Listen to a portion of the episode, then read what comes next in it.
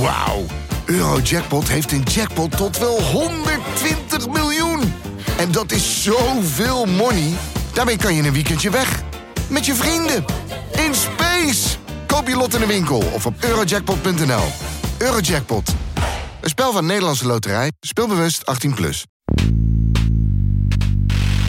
Nou ja, die, die machtshonger die hij dus wel ineens ging gebruiken... om eh, alle racistische vrienden die hij had... eh, totaal in, in complete verbazing achter te laten. Die dachten, wat doe je nou? En een belangrijk punt van LBJ, wat men dus nu, 50 jaar later, ook ziet. Legislation moet altijd game-changing legislation zijn. Dus structuurwetgeving. De Republikeinen zijn 50 jaar lang aan het werk geweest... en nog steeds eigenlijk om zijn erfenis af te breken. Nixon zei ooit over LBJ, he's an animal. Hij had een bijna soort dierlijke drive. Die man die ging en ging en ging. Ja, daardoor is hij dus ook nu 50 jaar na zijn ook nog zo ongelooflijk fascinerend. Dit is Betrouwbare Bronnen met Jaap Jansen.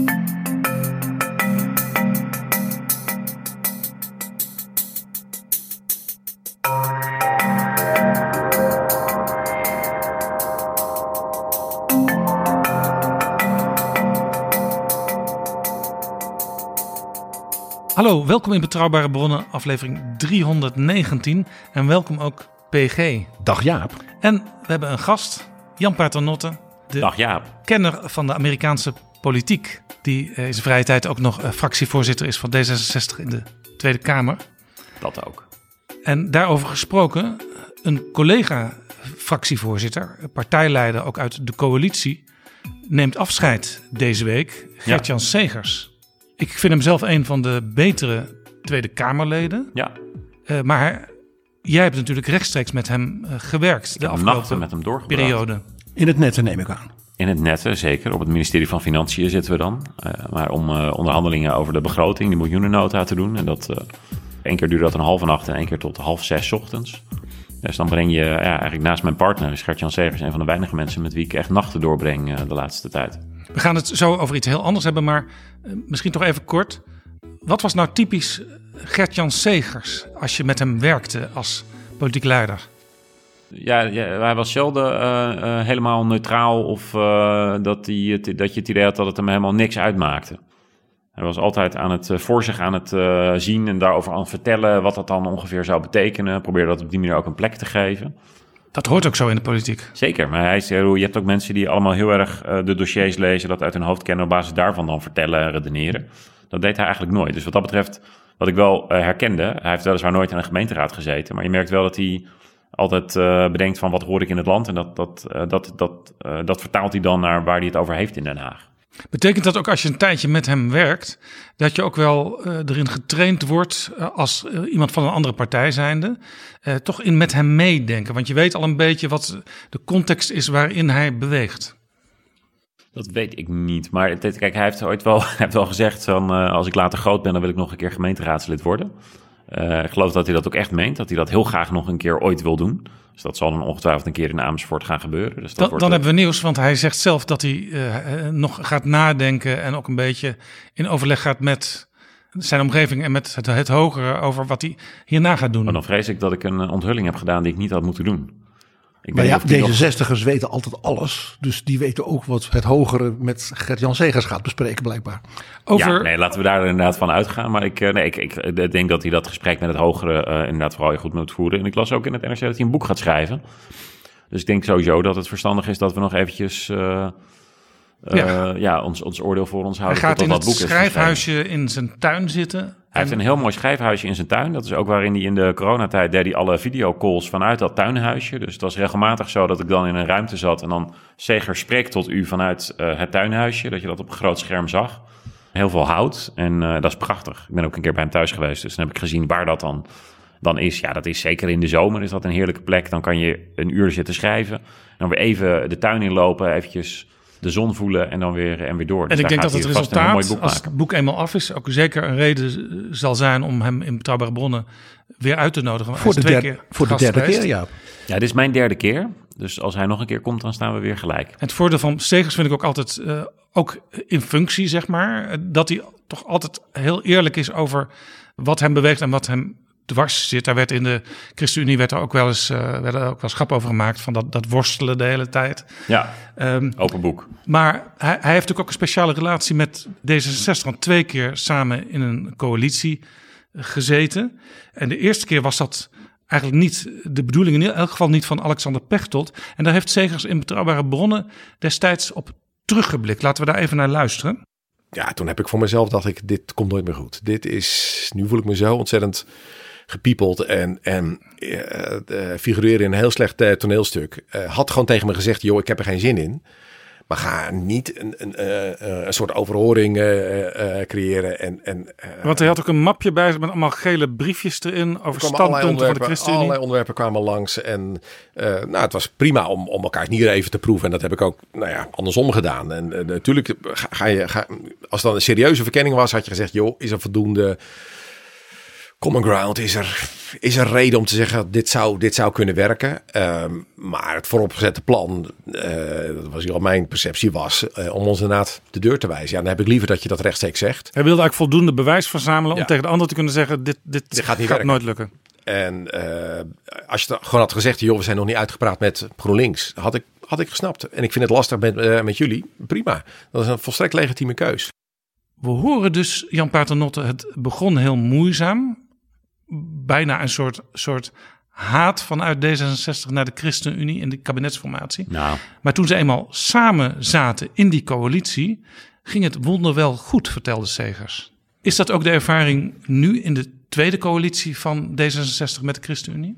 Ja, je zou het uh, wonder wel goed, vind ik wel een mooie, mooie omschrijving. Maar het blijft natuurlijk heel logisch dat, uh, ja, en dat geldt ook nu, uh, we zouden liever met GroenLinks in de coalitie zitten. Die partij staat veel dichter bij ons natuurlijk. In 2017 hebben we daarom gezegd, ja, met de ChristenUnie, we moeten dat echt niet doen. We kunnen beter nog een keer proberen om GroenLinks toch binnenboord te halen.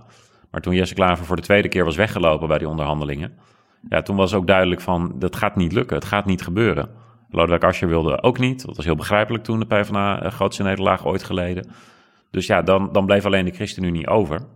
Uh, en het bijzondere van de laatste keer vond ik dat de ChristenUnie zelf ook eigenlijk niet meer wilde. Die hadden na vier jaar zoiets van, we hebben zo ontzettend hard gewerkt. We zijn helemaal dolgedraaid. We hebben dit allemaal meegemaakt. Laat ons maar even een pas op de ja, plaats We weten nu overigens dat Segers toen al voor zichzelf had besloten... uiteindelijk te gaan vertrekken als partijleider. Uh, dat dat dus ook een mooi moment was geweest misschien om dan in de oppositie te gaan. En Segers had natuurlijk ook gezegd... ik ga niet meer met die Mark Rutte. Ja, nee, dat, zat, en dat was ook gemeend. Dat zei hij ook niet zomaar. Dus... Uh, wat dat betreft, uh, heel veel respect heb ik ervoor. Dat, omdat er ook verder gewoon geen andere optie was. Dat de ChristenUnie heeft gezegd, we gaan het toch doen. Ja. Maar toch die verantwoordelijkheid En in de praktijk, het is dan wel ook geen, weer, hè, want het is dan Segers wel heeft geen- ooit de coalitie voeren, heeft hij een spijkerbed genoemd. Ja. Nou, dat zit zeker lekker, hè, dat plush. En, en alsof ik het doe voor plush. Ja, lieve schat, eh plush, waar dan? Hoe dan? Ik heb het nog nooit gevoeld, weet je. Dit is veel eerder een spijkerbed. Nou, dat hij toch weer, uh, uh, ja, toch weer heeft laten zien de vaak hier in zichzelf naar boven te halen. het is dan wel niet de favoriete keuze van D66 ChristenUnie, maar in de praktijk blijkt de ChristenUnie vaak ook aan de kant van D66 te staan als het lastig is in de coalitie. Ja, uh, als het over klimaat, uh, natuurbeleid gaat of over uh, asielbeleid. de zorg voor de schepping is iets wat ons deelt. Zorg voor mensen, voor je naaste, naaste liefde. Uh, maar de interpretatie van naaste liefde kan ook wel eens enorm verschillen. Ik, heb over medische ethiek uh, afgelopen jaar het woord gevoerd. Het zijn wel echt hele lastige gesprekken. Het zijn ook gesprekken waarin je weet van tevoren, je gaat het sowieso niet eens worden, maar elkaar begrijpen is al lastig. En daar je best voor doen, nou dat lukt ons wel. ook al zijn er daarbij genoeg moeilijke momenten en die zullen er ook nog wel gaan komen. Ja. Hoe, hoe lukt dat? Ja, doordat, nou ja, bijvoorbeeld over de embryo-wet. Uh, kijk, ik, uh, ik ben ook een vader van uh, twee dochters die ik niet had gekregen als de medische wetenschap daar niet ook de mogelijkheden voor heeft. en als je kijkt van hoe kijkt de ChristenUnie aan tegen zoiets als, als het maken tot stand brengen van embryo's. Nou, dat vinden ze ongelooflijk ingewikkeld, zelfs ook als dat voor voortplanting is. Ja, dan probeer je toch te begrijpen waar zit hem dat nou in? En waarom, waarom vinden jullie nou dat je ouders niet de keuze zou mogen geven om te zeggen: ik wil een erfelijke ziekte niet willen doorgeven aan mijn kinderen? En hoe kun je dat dan ja, vergelijken met uh, de, de, wat zij dan de waarde van het leven noemen? Terwijl die waarde van het leven volgens mij ook tot uiting komt. En dat ouders de mogelijkheid hebben om dat leven door te geven zonder de enorme ellende van een, een, een erfelijke ziekte als een, een Huntington bijvoorbeeld. dat die in de familie moet worden doorgegeven.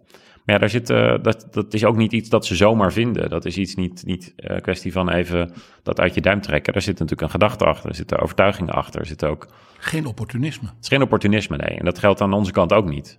Dus het is lastig om het eens te worden. Het is ook lastig om een compromis te sluiten. Het is minder lastig als je elkaar kent en je daar ook in investeert om respect voor elkaar standpunten te hebben.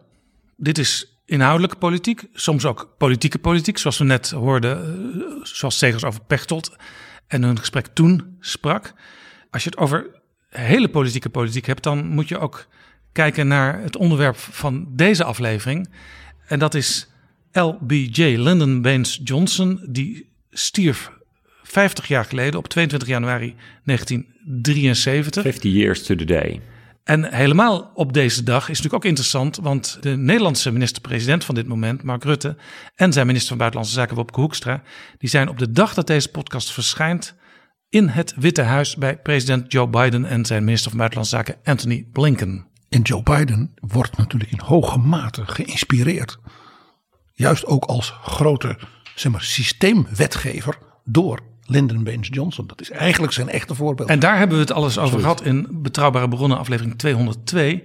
En toen was Jan Paternotte ook te gast, PG. Alweer 107 afleveringen geleden. Hè? Het is ongelooflijk. Ja, wat een productie draaien jullie. het is weer eens tijd, zou je kunnen zeggen. Ja, ja op 22 januari 1973.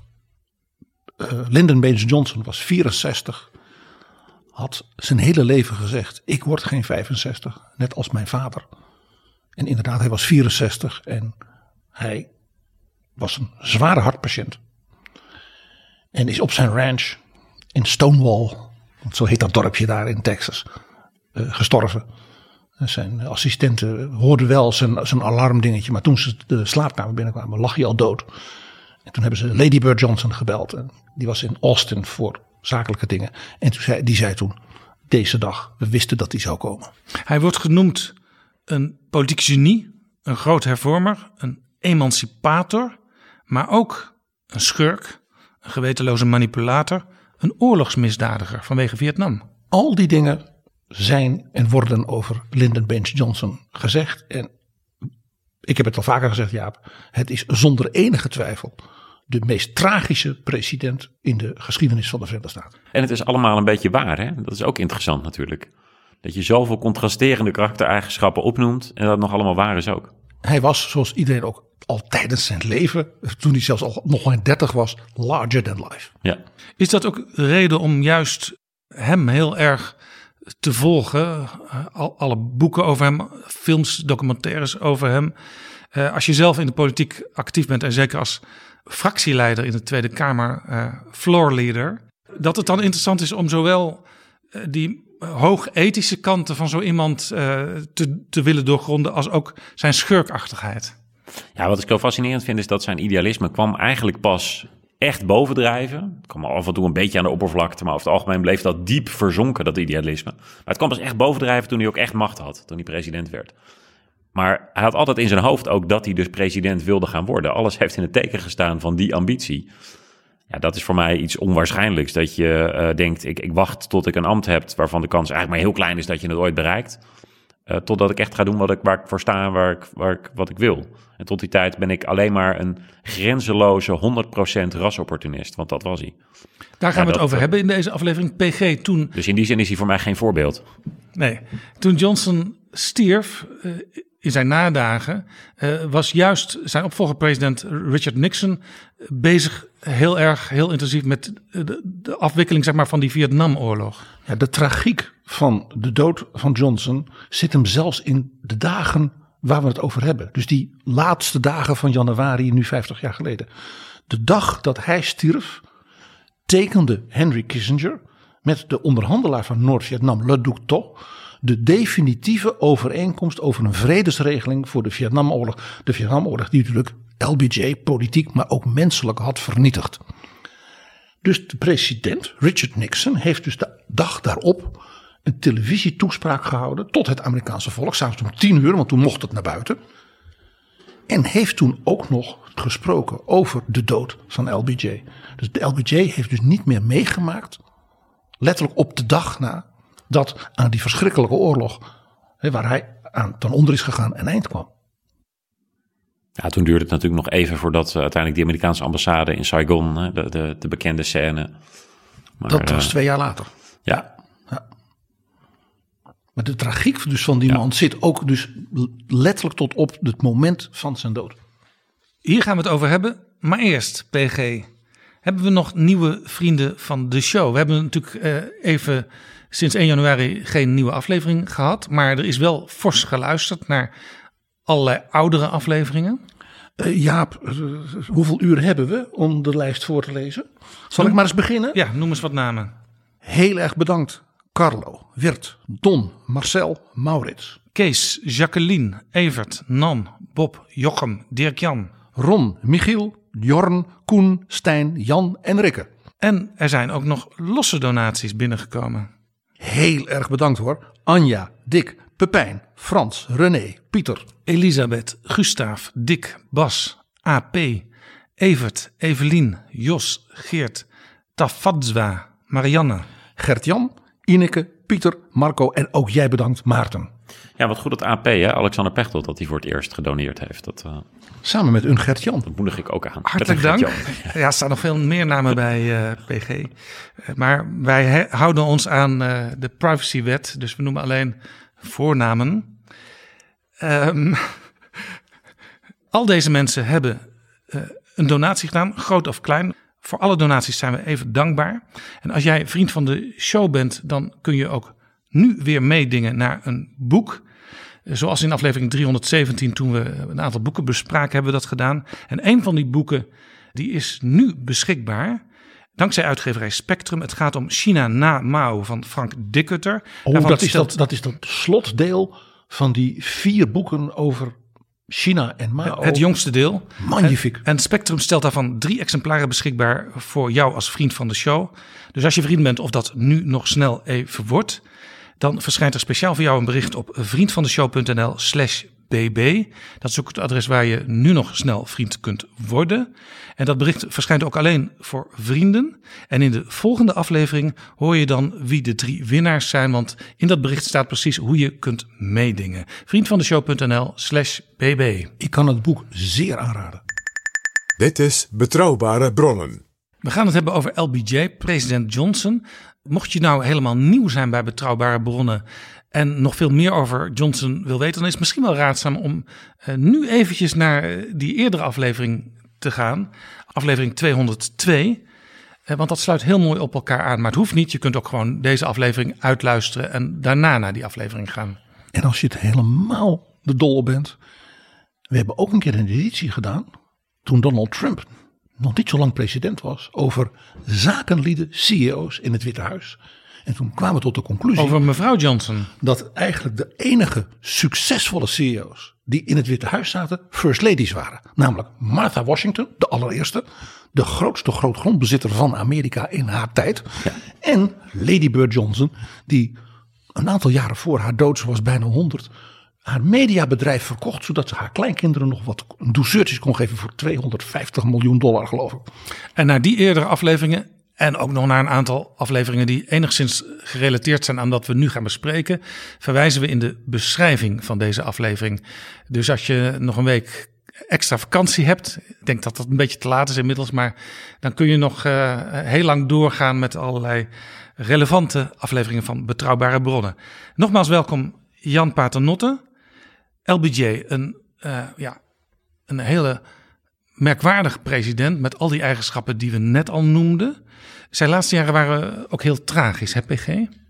Ja, hij, hij was geen president meer. Had dus in het begin van 1968 in een volledig verrassende tv-toespraak gemeld. Ik wil maar één ding. Ik wil een vredesregeling in Vietnam.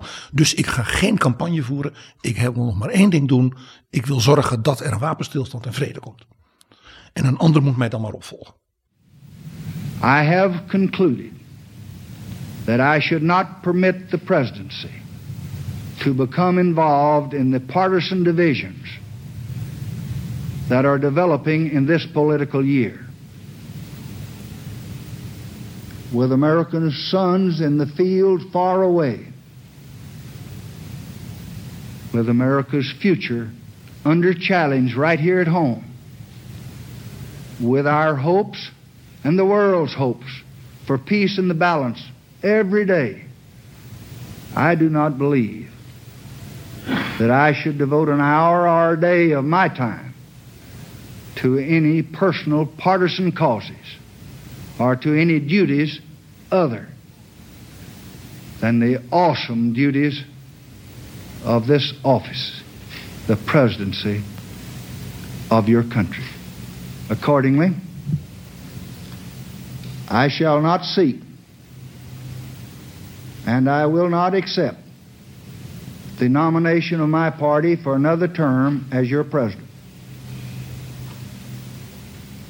But let men everywhere know, however, that a strong and a confident and a vigilant America stands ready tonight to seek an honorable peace and stands ready tonight to defend an honored cause, whatever the price, whatever the burden, whatever the sacrifice that duty may require.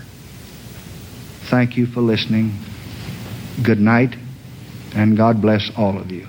Dat was grotelijks verrassend, want iedere Amerikaan wist dat LBJ ademde, leefde, dronk, at politiek en macht. Hij keek natuurlijk ook wel met een scheef oog, denk ik, naar de peilingen op dat moment. als hij kandidaat was geweest, had hij een tweede termijn gekregen. Waarschijnlijk is dat zo. En bijvoorbeeld zelfs Jimmy Carter, die uh, buitengewoon impopulair was en Ted Kennedy tegenover zich had, die won uiteindelijk toch de primaries, want een zittende president wint altijd de primary van zijn eigen partij. LBJ had als Richard Nixon toen zijn tegenkandidaat was geweest, ja. Nixon begraven politiek.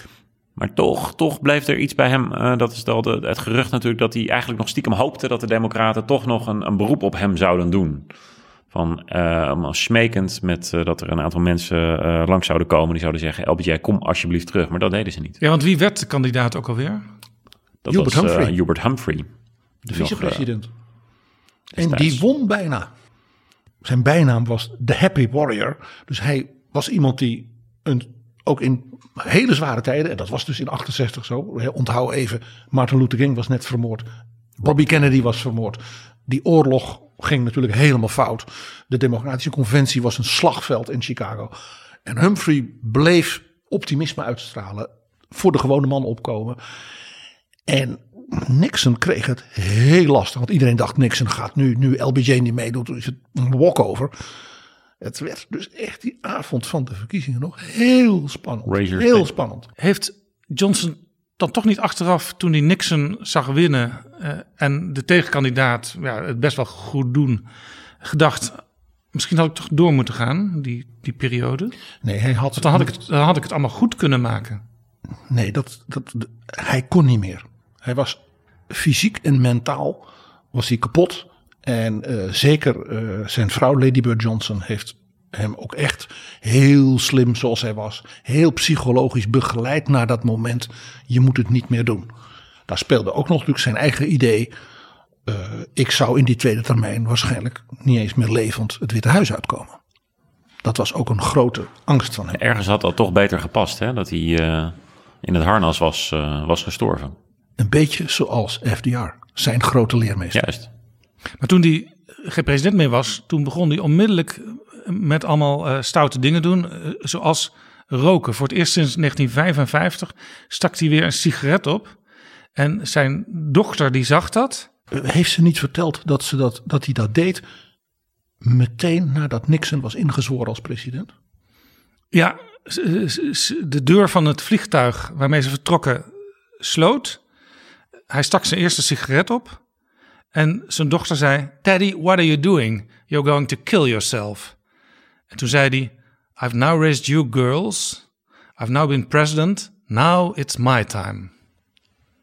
Ja, maar dit was, hij, zijn, zijn doel was zo lang geweest president te worden, daarna dat te zijn. En als president alles te kunnen bereiken, veranderen wat je maar, wat je maar kan bereiken als president. Dat is ook waarom we het nu over hem hebben, omdat hij zo ongelooflijk effectief was. Ja, daarna was hij president af, die macht was hij kwijt. En als iemand ook wist dat als je macht kwijt bent, dat je dan ook niet een beetje over hebt, ja, dan is het Johnson. Want die tijd dat hij vicepresident van Kennedy was, dat ja, Bobby Kennedy eigenlijk ervoor zorgde dat hij compleet buiten de machtsstructuur bleef. Dat hij, ja, uh, hij was vice-president, maar het was een ceremonieel figuur die daarbij stond. Niet benijdenswaardig, er werden alleen maar grappen over hem gemaakt. Ja, het was zelfs zo dat Bobby, dat hoe het Bobby was om geen macht te hebben. Bij zijn Dus- broer John echt zijn best deed om eh, die vicepresident zo min mogelijk rollen te geven. Hè? Ja. Zo min mogelijk taken. Ja, en ook eh, naar medewerkers en belachelijk te maken om hem maar zoveel mogelijk te ondermijnen. Eh, nee, waar, kwam, waar kwam Kennedy- dat vandaan? Die, Die haat die- van Bobby Kennedy, hè? Ja. Ja, dat is een van de grote mysteries waar eh, heel veel over gezegd en geschreven is. Het was overigens geheel wederzijds. LBJ haatte Bobby Kennedy en al heel vroeg. Omdat Bobby Kennedy eh, een assistent was van Joe McCarthy. En McCarthy was de, de, de man die achter elke zuil een communist zag staan. En een republikein. En LBJ was toen de leider van de democraten in de senaat. Dus hij vond die Kennedy, die tenslotte zijn broer was ook senator. En zijn vader was, eh, had allemaal banen gehad, ook mede dankzij FDR. Dus hij vond gewoon die Bobby Kennedy een verraaier. Ja. Maar het was wel bij LBJ, eh, die kon er wel al pragmatisch over die haat heen stappen. Hè? Doordat hij ook na de, de dood van, eh, van JFK natuurlijk niet meteen zei... en nu ben je weg, eh, Bobby. Had hij kunnen doen natuurlijk, meteen ontslaan. Terwijl andersom, de haat van Bobby leek wel blind te zijn. Omdat LBJ de running mate werd, was een pragmatische keuze. Ze hadden het zuiden en Texas bijvoorbeeld nodig. Zonder LBJ was, had JFK nooit het presidentschap gewonnen. Dat was dus het opportunisme van Kennedy, zou je kunnen zeggen. Ik neem een kandidaat vicepresident, een running mate, die mij nog dat deel van het land kan leveren wat ik zelf niet kan doen. Ja. Terwijl Bobby eh, liever had verloren zonder eh, Lyndon Baines Johnson dan, eh, dan winnen met. Is daar nog een, een, een verandering in gekomen in die verhouding tussen die twee? Nooit. Ook niet na de dood van JFK. Nee, die hebben ze allebei het graf mee ingenomen. En daarbij was de buurman in de chique buitenwijken van Washington van de familie Johnson een belangrijke factor. J. Edgar Hoover. J. Edgar Hoover, die voedde, De baas van de FBI. die voedde LBJ met gegevens over, ik zal maar zeggen, het niet geheel brandschoon vroom-katholieke liefdesleven van Bobby Kennedy. Want Bobby Kennedy deed het ook met Marilyn Monroe en dat wist J. Edgar Hoover. Die vond dat erg leuk, dat soort dingen. Die had dat van iedereen. Ook van Jack Kennedy. Want die deed dat dan weer met de maîtresse van de baas van de maffia. En Lyndon Johnson vond dat prachtig natuurlijk. En wat stond er in het dossier van J. Edgar Hoover over LBJ? Ook heel veel. En dit zijn allemaal dingen die PG veel beter weet. Dit heb ik allemaal nooit, eh, nooit. Nee, dat heb jij in die boeken nooit gelezen. Nee, nee, nee, nee. Hij trok zich dus terug op zijn ranch toen hij uit dat vliegtuig stapte naar zijn eerste sigaret hebben Ja, het was, maar op zich was zijn leven dus klaar. Dus daarom ook eh, ja, sigaretten gaan roken en eh, verder zijn gezondheid in de gaten houden. Hij was heel lang ook bezig met ik moet gezond oud worden. Want hij wist ik ga niet heel oud worden, maar ik moet dus gezond blijven. Anders kan ik geen president worden. Maar ja, toen dat eenmaal gebeurd was, hoefde dat niet meer. Maar op zijn ranch, desondanks, viel hij wel meteen weer terug in... Ja, ik wil nu eigenlijk opereren alsof ik president ben. Dus eh, de, de volgende ochtend nadat hij aan was gekomen op de ranch... had hij al een staff meeting gepland. Hij zei het dat het nu natuurlijk niet meer ging over het leiden van de westerse wereld... maar over de ranch. En die ranch, dat is een heel groot complex. En hij had heel veel koeien en hij had heel veel kippen. En hij ging dus die ranch en die ranchhands aansturen dag en nacht. Die mensen werden helemaal gek van die man. Ja, die ranch werd ook wel het Texaanse Witte Huis genoemd. Ja, want hij was daar heel veel en Lady Bird was er ook heel veel. Want dat was wel een heel bijzonder huwelijk, om maar zo te zeggen. Maar onderdeel daarvan was natuurlijk dat zij ook veel op de ranch was. En niet altijd bij hem in het Witte Huis, om maar zo te zeggen. Maar ze was wel in het Witte Huis, en trouwens ook vanuit de ranch, zonder enige twijfel zijn belangrijkste adviseur. Hij was zonder haar geen president geworden, zegt men altijd. En eh, eh, ja, dus, dus eh, ja, hij ging dus weer aan de slag. Met zijn koeien en met zijn memoires. En daarvoor had hij een ja, soort, soort, soort assistent. En die leeft nog. Doris Kieran Goodwin. Dat is een heel beroemde Amerikaanse historica. Ja, na Robert Caro is hij de beste biograaf van Amerikaanse presidenten ooit. Geldt dat ook voor deze biografie? Nou, dat is een hele apart iets. Ja. Die autobiografie waar zij hem bij moest helpen is waardeloos. The Vantage Point heet die. Want hij wou een boek publiceren met memoires waaruit dus bleek dat hij een staatsman was geweest. Dus dan zat zij dus dingen met hem te door te nemen. Nou, dat, die wet heb ik doorgevoerd en dat is belangrijk en dat moet je vertellen. En ik heb toen internationaal met die wereldleider dat gesprek gedaan. Dus een recept voor saaiheid. Saai, saai, saai en helemaal onwaar.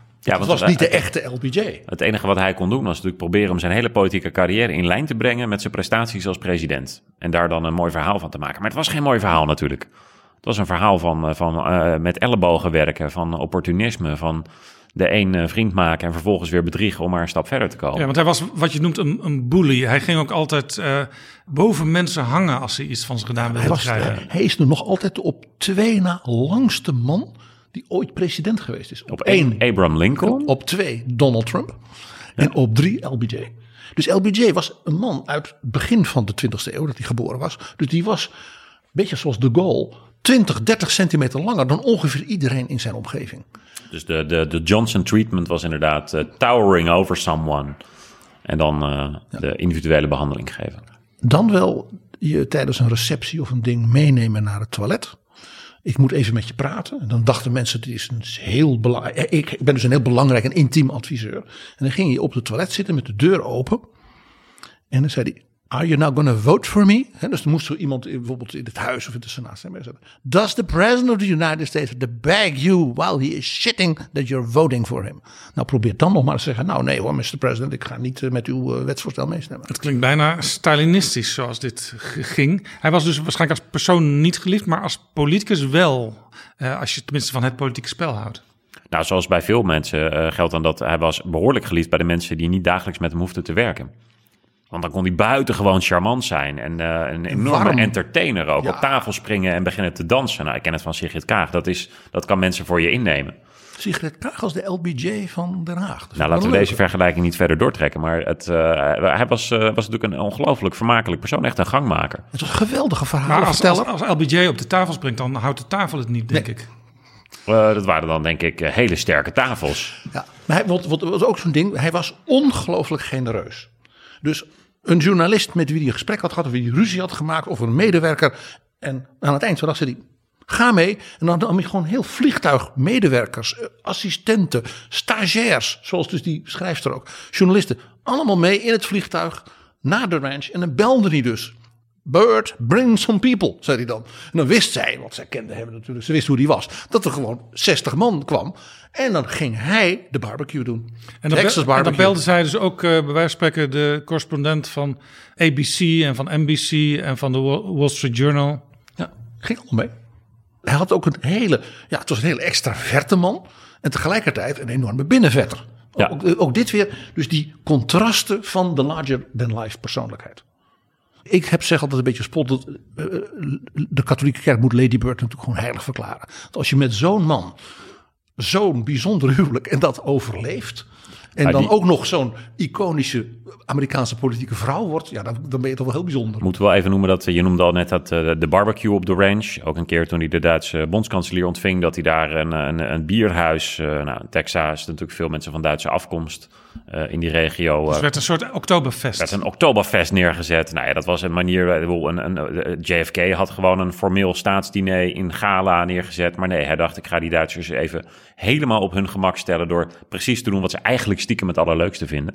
Het volkse. En, en op de ranch, als hij mensen dan eh, meenam in zijn, zijn auto op de ranch. dan ging hij daar met een, een rotgang over de wegen scheuren. Dat ze eigenlijk al wilde, eruit wilden springen. Maar ja, daarvoor ging die auto natuurlijk snel. En dan vrolijk het water in rijden. Maar daar vlak dan voor zeggen: Oh nee, de remmen doen het niet meer.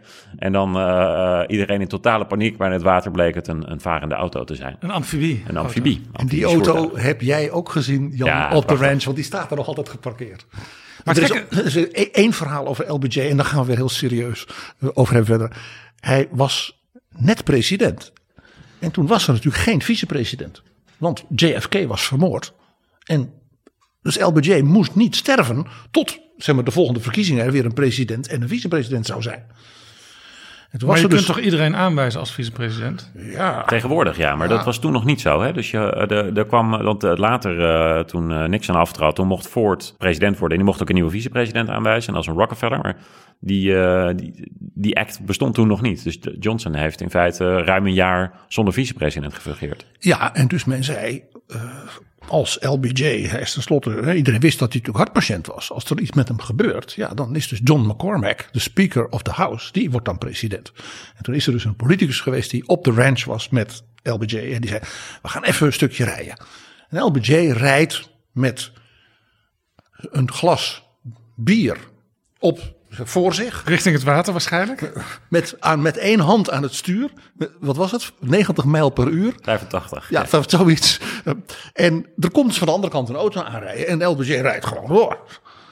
Dus die auto die duikt als het ware in de, de taluut naast de weg.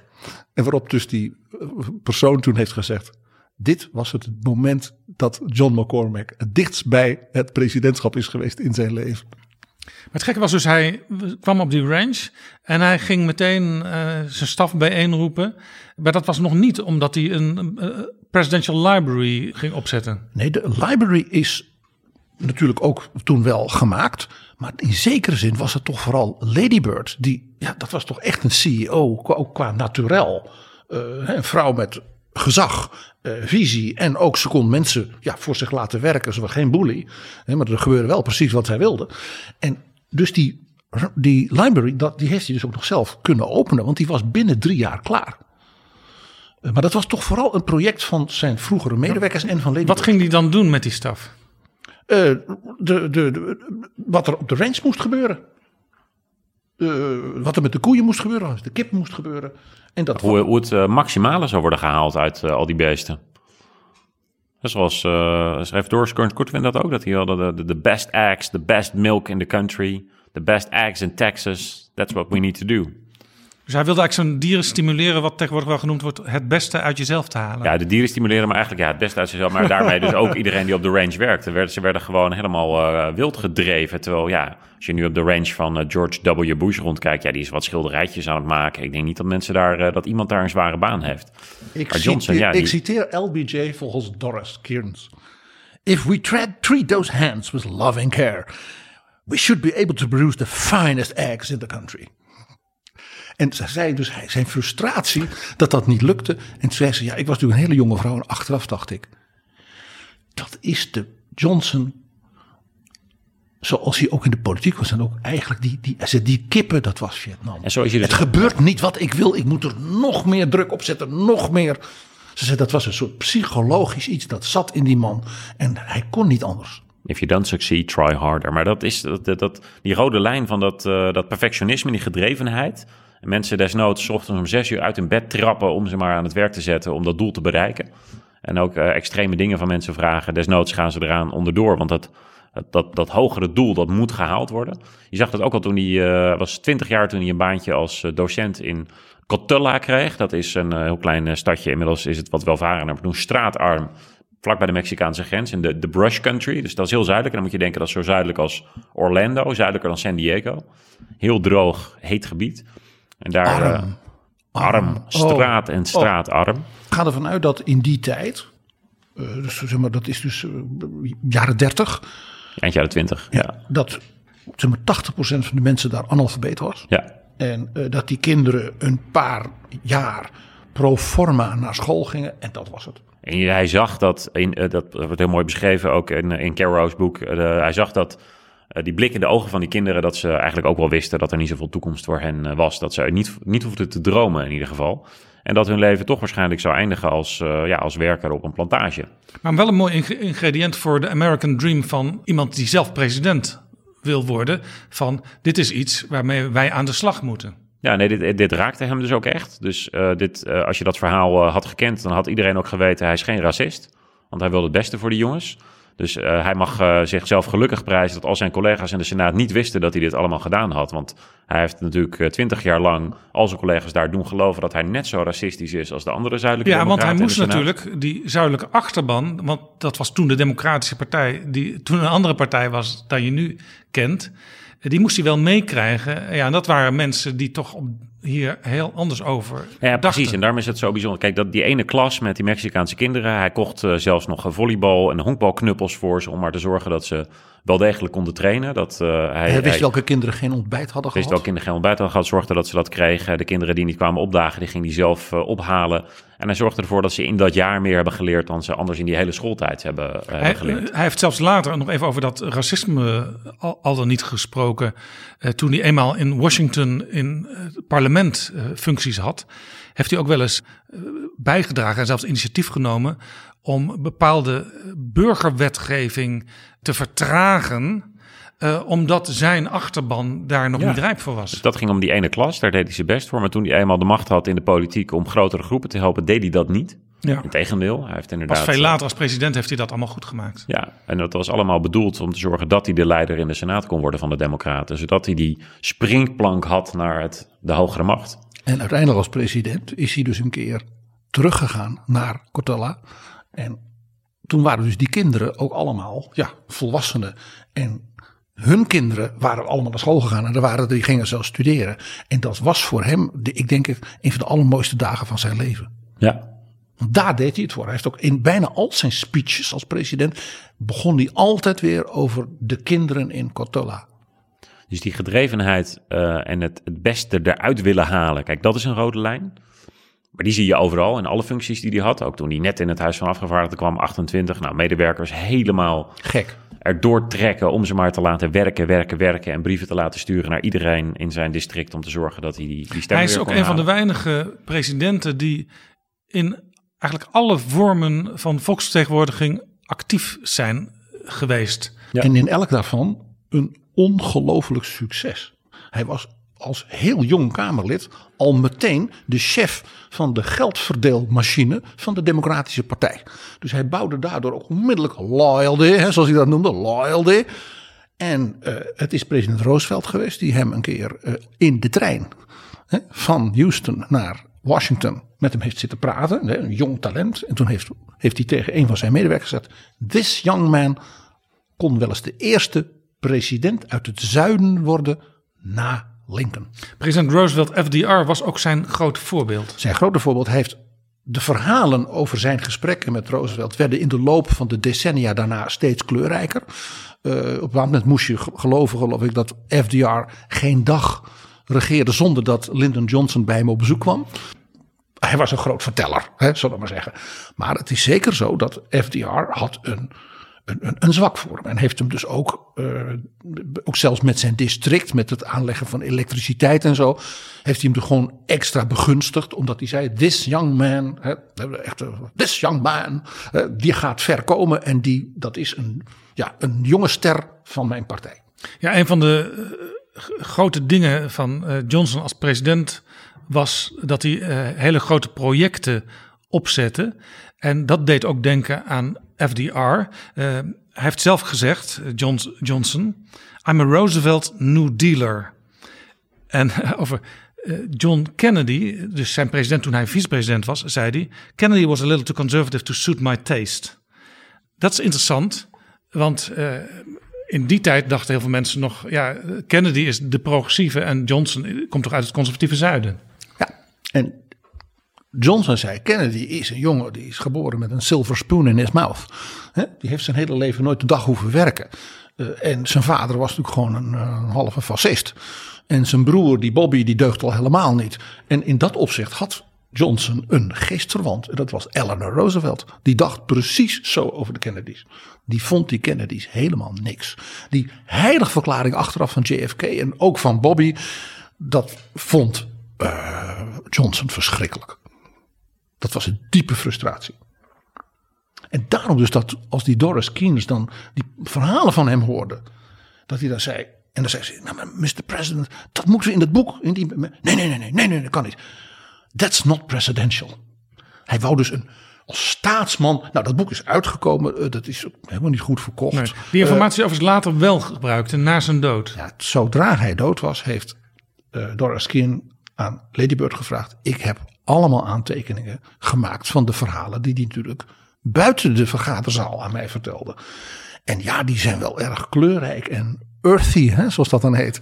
En, en Texaans. En Lady Bird heeft toen gezegd, darling, schrijf het op. Want die zei, zo was mijn man ook. Ja, hij was een staatsman, daar waren trots op en zo. Maar hij was ook die zeer aardse, eh, eh, kleurrijke man vol contrasten. Hè, die zo van Texas hield. En eh, ja, zei ze, die kant, schrijf het ook maar op. Ja, we hebben veel aan Lady Bird te danken. Ja, absoluut.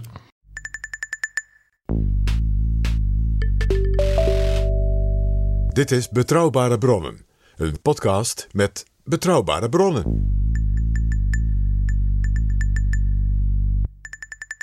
En ik praat met PG en Jan Paternotte over de laatste jaren van LBJ Johnson, die in 1968 na zijn presidentschap terugkeerde naar zijn ranch in Texas. Hij ging eieren tellen. Letterlijk. Maar ja, dat, dat is toch niet echt iets waar je dan uiteindelijk heel vrolijk van wordt als iemand die uit het brandpunt van de wereldpolitiek stapt. Hij zei tegen zijn vrienden dat hij miserable was. Miserable. Zwaar gedeprimeerd. Roken, echt kettingroken weer. Heel zwaar drinken ook. Hij wou dood. Ja, serieus? Nou, hij heeft altijd ook eh, gedacht eh, dat hij nooit eh, 64 zou worden, maar dat hij 60 zou worden. Dat zat altijd in zijn hoofd. Hè? Dat, eh, en hij- Zoals zijn vader ook jong gestorven is. Ja, Sam Ely eh, Johnson Jr. Die eh, had eh, ook voor zijn 60ste zijn eerste hartaanval en eh, stierf op zijn 60ste. Is dat ooit, is dat medisch onderzocht bij hem, hoe, hoe, hoe hij eraan toe was? Nou, hij had al een hartaanval voordat hij eh, president werd. Dus ik denk dat hij dat, eh, dat hij dat heel erg meedroeg. Maar in zijn familie zit dat verder niet. Hè. Er zijn heel veel mensen in zijn familie die hartstikke oud zijn geworden. Dus ja, wie weet hoe oud hij was geworden als hij niet zichzelf inderdaad kapot dronk en rook in die laatste jaren. Ja. Maar het was destiny in zijn hoofd. En dat, dat zit er al, zat er al heel vroeg in. Toen hij in het Huis van Afgevaardigden zat, was hij heel jong, 28. Eigenlijk, als je zo jong in het Huis van Afgevaardigden komt, zoals het toen werkte, en je wilde heel veel macht, je wilde een machtige positie, hoefde je maar één ding te doen, wachten. Gewoon wachten tot je oud genoeg was Seniority krijgen. om seniority op te bouwen. Dat je een van de langstzittende leden zou zijn en dan word je vanzelf commissievoorzitter, misschien wel speaker. Ja, dan heb je echt, dan heb je echt macht. En macht, daar ging het hem om, dat was duidelijk. Maar als mensen dan zeiden, wat jij moet doen is gewoon zorgen dat je, ja, dat je wacht. Dan zei hij, nee, nee, nee, in het huis van afgevaardigde carrière maken. Too slow, too slow.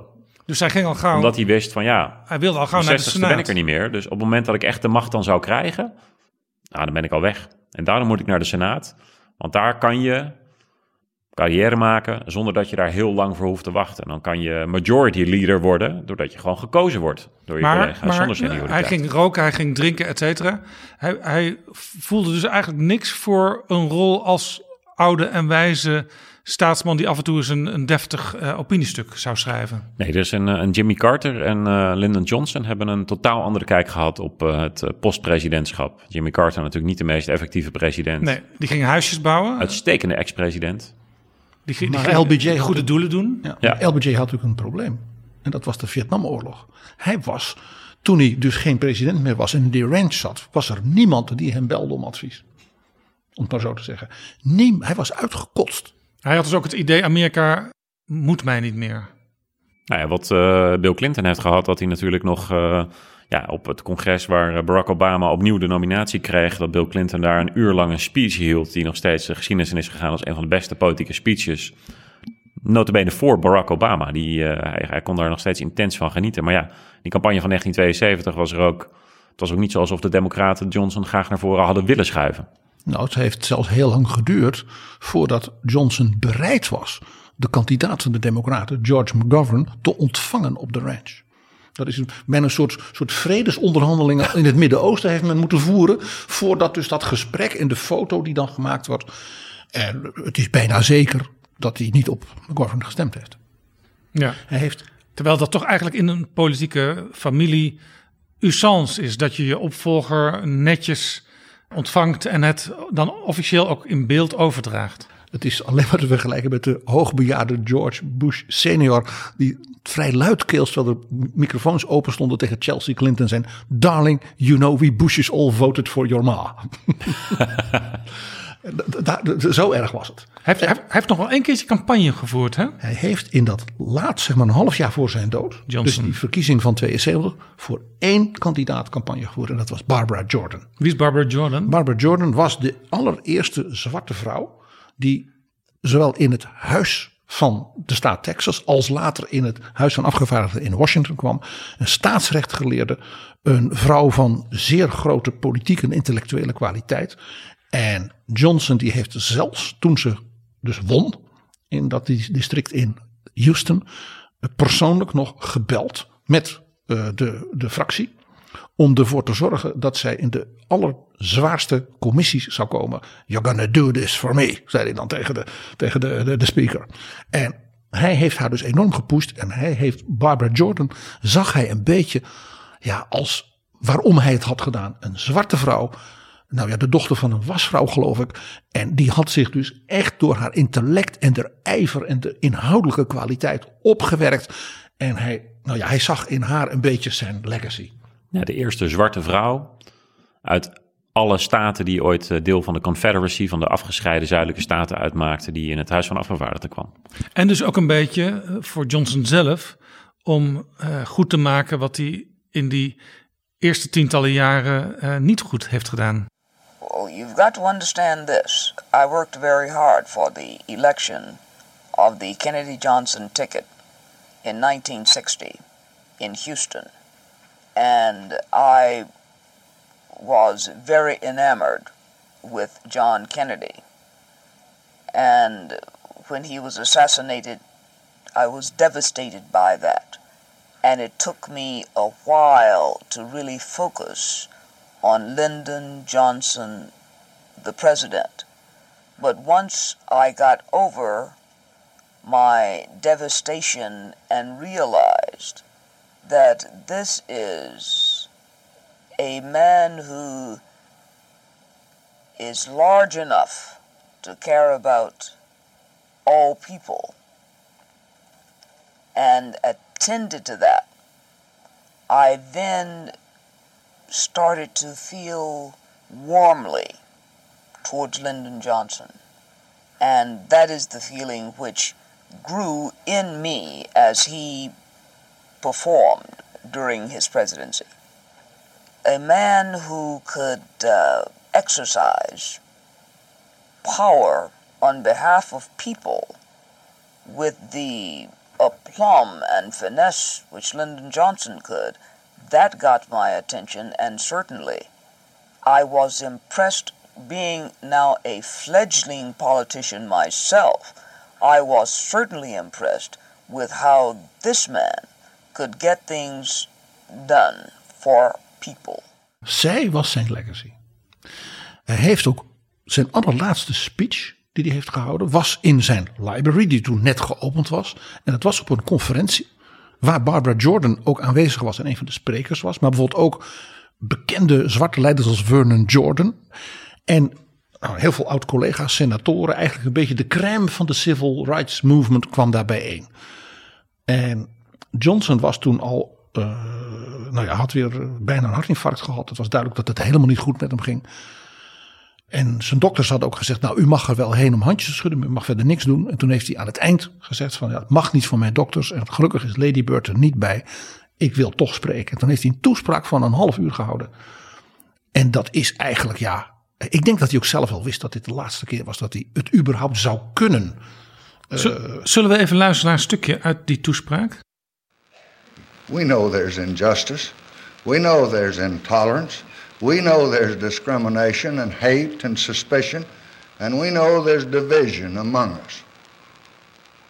But there is a larger truth. We have proved that great progress is possible. We know how much still remains to be done.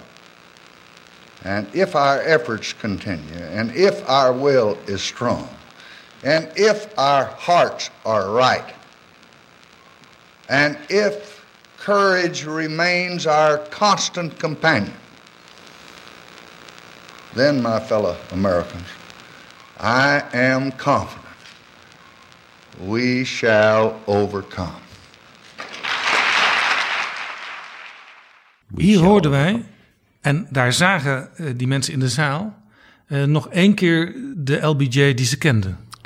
En dat slot van die speech is natuurlijk een bewuste verwijzing naar zijn beroemde Selma-speech in het Huis van Afgevaardigden. Toen hij dus die Voting Rights Act ware, ja, door het congres rammen wilde. En dat lukte hem ook nog. En toen heeft hij dus ook op een bepaald moment gezegd: eh, wij hebben een enorme erfenis van de slavernij en van de Reconstruction, waar we het ook met Pirmin Oldeweghuis ook uitgebreid over hebben gehad.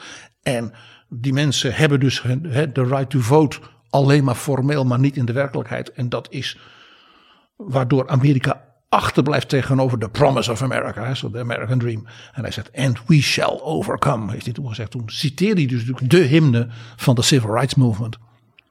En we weten dus dat eh, Martin Luther King, die keek op de televisie naar en die heeft in tranen daar naar die speech gekeken. Ja, hoewel eh, de relatie LBJ-Martin Luther King ook niet altijd optimaal was. Martin Luther King was een dominee. LBJ was van alles, maar geen dominee. Ja, en LBJ wist natuurlijk waarschijnlijk ook mede dankzij Edgar Hoover... wat Ook daar- Martin Luther King ja. eh, achter de coulissen allemaal uitspookte. Ook dat waar, er was Qua amoureuze affaires. Edgar, Edgar was ook in dat opzicht altijd zeer behulpzaam. Ja. Toen LBJ dus, nou ja, Dus enkele maanden. geroepen, ook door LBJ, dat hij eh, Martin Luther King ook wel een hypocriete dominee was. In ieder geval een man die van het goede leven hield. Een maand na die speech in de ook een library. rode draad in deze uitzending. Een, een maand na die speech in de library in Austin. Eh, Jan, jij bent natuurlijk ook in die library geweest. Ja. Dat, dat, dat is een pelgrimsoord hè, voor Ja, de. LBJ-fans. En Ja, je eh, kan daar gewoon eh, op bepaalde plekken de telefoon opnemen en dan meeluisteren met gesprekken die Johnson had. zijn ongelooflijke kunst van het manipuleren via Ja. de telefoon. Het is, het is een grootmeester. Maar bijvoorbeeld ook wat ik zelf het allermooiste object vind, is een heel klein dingetje. Dat is namelijk het briefje, wat dus is uitgetikt in het vliegtuig van Dallas naar Washington. Met dus de kist van JFK. En op dat briefje stond wat hij zou moeten zeggen voor al die camera's daar. En dan zie je dat Lady Bird met haar pen die tekst nog heeft geëdit op het laatste moment. En dat briefje, dat hebben ze dus bewaard. En dat ligt daar. Ik vind dat zelf het meest indrukwekkende document in die hele library. Een geweldig gebouw, zo'n klein papiertje. Even over dat manipuleren van Johnson. Want eh, als je over LBJ praat, dan praat je natuurlijk ook over het politieke métier. Hadden mensen die door hem gemanipuleerd werden dat altijd door? Ja, ja, nee, ja, dat, dat, kijk, dat vind ik nog steeds ook het, het eh, leuke. Dat, eh, dat zeiden vorige week mensen die eh, Kevin McCarthy zagen, die daar ja, elf rondes De lang, nieuwe Speaker of the nieuwe House. Speaker of the House, elf rondes lang daar maar niet won. En dat werd als een vernederende exercitie ervaren dat hij daar dan maar moest zitten. En eh, naar Matt Gates, die compleet gestoorde republikein eh, toe eh, liep. En dan zei, en ga je dan nu alsjeblieft eindelijk voor mij stemmen? En weer afgewezen werd. Er werd gezegd, ja, Nancy Pelosi, maar ook LBJ zouden natuurlijk nooit de vloer op zijn gelopen als ze niet alle stemmen hadden die ze nodig hadden. Nou, dat was eh, waar hij natuurlijk bekend om stond. Maar die gesprekken vonden wel plaats, alleen dan buiten het beeld van de camera. Buiten het beeld van de camera. De Johnson treatment, eh, dat doe je nou, als het nodig is voor de schermen. Maar hij deed dat natuurlijk altijd En- vooraf en, dus achter de schermen. Achter de schermen ook wel effectiever en sneller gegaan dan deze keer. Ja, we kunnen natuurlijk moeilijk zeggen dat of, eh, of, of eh, LBJ, eh, zulke gestoorde republikeinen als eh, er nu daar zitten in... eh, Je hebt natuurlijk in elke, in gekregen. elke Nou, politieke hij- familie altijd wel wat mensen waarmee je heel wat te stellen hebt. Ik bedoel, er zaten in de. Democratische Partij van die tijd, zeker in zijn zuidelijke regio, ook Ja. een hoop hele aparte mensen. Strom Thurmond, noem ik maar bijvoorbeeld. Ja, nee, maar er is een mooie scène uit eh, ook de, de film eh, LBJ natuurlijk, waarin, en dat gaat het allemaal niet zoals het echt ging, maar het zegt wel mooi hoe dat dan ging met Ralph Yarborough, de senator uit Texas, waarmee hij een enorme haatverhouding had. Die kwam vertellen dat hij eh, toch echt met zijn goede geweten niet voor een bepaalde wet kon stemmen. En Johnson zei, dat is allemaal mooi met je geweten. En die heeft daarbij even alle charme en alle bedreigingen die hij eh, in zijn zak had uitgeserveerd. Toen kreeg hij een telefoontje dat er nog een extra stem bij kwam. En zei hij, oké, nou dan heb ik je niet meer nodig. You go vote your conscience. Met een dikke grijns erbij. Oftewel, stem jij maar lekker volgens je geweten, want eh, nu kan het. Dat geweten Maar van jou, daar geef ik die- helemaal niks om. Iedereen die scène ziet, die weet van... als hij dat telefoontje niet had gehad met die andere stem... dan had hij Yarborough gedwongen. En zo ging dat inderdaad natuurlijk. hij, telefoongesprek. hij wist genoeg van mensen hij wist om alles. ook hij wist eh, alles op van zijn een collega's. niet zo nette manier en onder druk te kunnen zetten... om eh, te stemmen zoals hij wilde dat ze dat zouden doen. En we wisten ook van als ik nu jou beloof dat de regering gaat helpen bij de aanleg van die weg of die stuwdam of die universiteit, wat belangrijk was voor mensen. dan kan, dan kan ik met jou een deal sluiten. Het is natuurlijk knap als eh, mensen niet zelf zeggen wat ze nodig hebben in ruil voor steun, maar hij toch wist wat ze nodig hadden in ruil voor steun. Het beroemdste telefoongesprek, dat, eh, dat moet iedereen beluisteren in die libraries. Dat is dan met zijn mentor in de Senaat, Richard Russell. Georgia. Die die, die, die ook Daddy noemde. Dat is ook de man naar wie eh, de Russell Building is genoemd. Een van de grote gebouwen daar in Washington. En ook een groot senator, een groot wetgever, ik geloof 50 jaar of zo, hoe ziet Ja. in de Senaat zitten. Een ongelofelijke racist, Ja. moet erbij gezegd worden. En die moest, omdat hij een beetje het geweten was van de Senaat, in de commissie die de moord op Kennedy ging onderzoeken. En dat heeft hij geweigerd, want opperrechter Warren was de voorzitter van die commissie. En die had natuurlijk de scholen vrijgemaakt. En dat was natuurlijk in Georgia. Dat vond hij, hij wou die man nooit meer hand geven. Zo, zo, zo'n racist was dat. Het was zo'n racist dat hij op zijn sterfbed nog eh, zei dat hij zich eh, door de Civil Rights Actor Johnson verraden voelde. Ik dacht Is er dat dan, was is er dan ik. helemaal geen discussie op dit moment over de naam van dat gebouw? Want elke keer als je in Washington uit de metro stapt, dan, dan zie je dat heel groot staan. De Russell Russell, Building. Building. De Russell Building. Dat gebeurt dus niet. En Johnson die heeft hem dus gebeld en die zegt: eh, You're gonna do this for your president. Let op, dit was zijn mentor, hè, die die dus daddy noemde. You're gonna do this for your president. Johnson was dus bij, bij twee dagen president. Hè. Kennedy was net begraven. Eh, ik ga het niet doen. En ik ga niet met die man in één commissie zitten. En dit, dat, dat. En Johnson zegt, dat ga je wel doen. Hij zegt, want als niet duidelijk wordt wat er is gebeurd. Dan gaat men misschien wel zeggen dat het dat communistisch complot is. En dan komt er een nucleaire oorlog. En dat is dan jouw schuld. En dan gaan er 50 miljoen mensen dood. En hij ik ga het niet doen, ik ga het niet doen. En zei hij, nou, zei hij, ik, ik, ik ga je even lezen, voorlezen wie er nog meer in die commissie zitten. En zei, ja, dat is een goed, ja, dat is een goede Maar ik ga het niet doen, ik ga het niet doen. Nou, zei hij, dat is dan jammer, zei Johnson. Want eh, ik krijg net het berichtje van mijn staf dat het persbericht is uit. En daar staat jouw naam in. Dus wat ik wel kan doen, is dat ik nu een rectificatie stuur. Dat jij weigert in deze commissie te gaan zitten. Op, eh, waarbij dus wordt onderzocht de waarheid op de moord van onze zo geliefde president Kennedy. Dat is nog eens even iemand via de telefoon. Als je dus werd uitgenodigd eh, om bij Johnson te komen door zijn staf, dan moest je op je hoede zijn. Dan kon het van alles betekenen. Ja, als hij je meenam naar het toilet, dan wist je hoe laat het was. Hij nodigde je nooit zomaar uit. Nee. En hij had dus ook niet eh, de enige qualms bij om eh, niet alleen Richard Russell, maar ook Sam Rayburn als eh, daddy te omschrijven. Ik vond het ook buitengewoon Sam. belangrijk. Sam Rayburn, Speaker of the House, eh, lange tijd. Dus ja, een heel belangrijke man bij de vooruitgang in de carrière van Johnson. Maar ook een, een vrijgezelle man, eenzame man.